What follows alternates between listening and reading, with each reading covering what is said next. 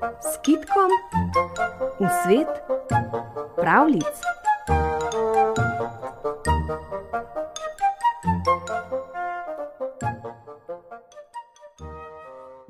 Lonček, balonček.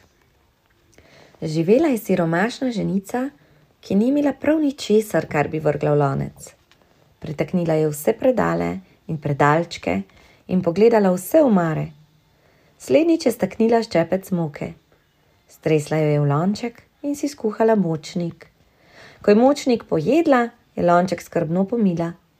Na to ga je postavila na okensko polico in rekla: Lonček, balonček, zdaj bom pa od lakote umrla, če mi kdo ne bo pomagal. Na to je sedla v naslanjač in zaspala. Na lonček pa je posvetilo sonce iza gore in ga posušilo.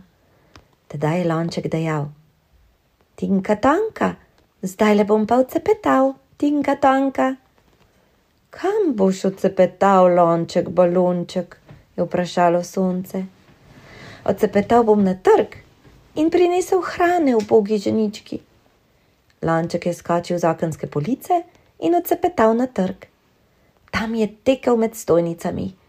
Tedaj je prišel kmet s polno vrečo fižola in ni vedel, kam bi z njim. Zagledal je lonček in zaklical: Hej, lonček, balonček, ravno prav si prišel, zelo te potrebujem. Natresel je v lonček fižola do roba. Koma je lonček začutil, da je poln, je zaklical: Tinka tanka, zdaj bom pa odcepetal, tinka tanka. In lonček, balonček se je obrnil in tekel k revni ženici. Pobutal je na vrata in zaklical: Odpri, odpri, lanček je tu, do vrha napolnjen. Ženica se je zbudila, stekla k vratom in odprla.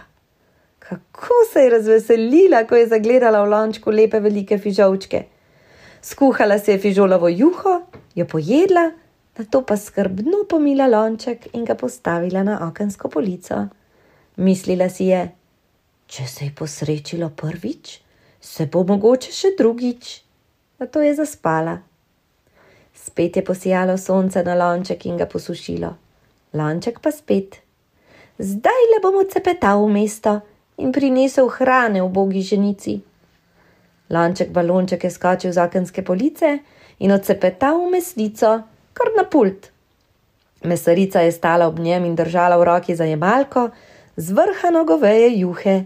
Ni vedela, kam bi z njo. Tedaj je zagledala okrogli lonček in zaklicala: Lonček, balonček, ravno prav si prišel.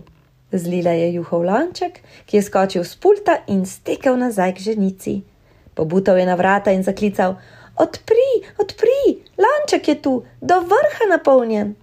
Kako se je ženica razveselila, odprla je vrata, dvignila lonček in popila toplo juho. Na to je lonček skrbno pomila in ga postavila na okensko polico. Posijalo je ljubo sonce in lonček posušilo. Tedaj je lonček dejal: Tinka tanka, zdaj bom odcepetal, tinka tanka. Kam boš odcepetal, lonček, balonček? je vprašalo sonce. Odcepetal bom k bogatemu možu in bom prinesel denarja v bogi ženički. Lonček je odcepetal in prišel naravnost k bogatemu možu, ki je sedel pri mizi in prešteval zlatnike. Toliko jih je imel, da ni vedel, kam bi z njimi. Tedaj je zagledal lonček in zaklical: Ravno prav si prišel, lonček, balonček. In nasul je zlatnikov v lonček prav do roba. Koma je bil lonček zvrhan, je stekel k ženički in še mar mu ni bilo, da je bogatin kričal naj se vrne. Pobutal je na vrata in ženička je urno pritekla. Ko je zagledala rumene cekine, ji še na misel ni prišlo, da bi lonček pomila. Stresla je cekine v svoje krilo in zaupila: Le urno lonček, balonček, teci k bogatinu in prinesi cekinov. Tedaj se je lonček razjezil, ni ga pomila in ni ga postavila na okensko polico, da bi ga ljubo sonce posušilo. Stekel je na trg in se postavil pod kravo. Tu je ostal tako dolgo, dokler krava ni dvignila repa in nekaj spustila v lonček. Bilo je mehko, okroglo in prav nič lepo ni dišalo. Stekel je domov, kjer ga je že čakala ženica. Ko je zagledala, kaj je v lončku, se je tako razjezila, da je vrgla lonček skozi okno. Lonček se je pobral in odcepetal v širni svet. Nikoli več se ni vrnil k revni ženici. Če bo kdaj lonček balonček potrkal pri tebi, mu odpri in ga skrbno pomij.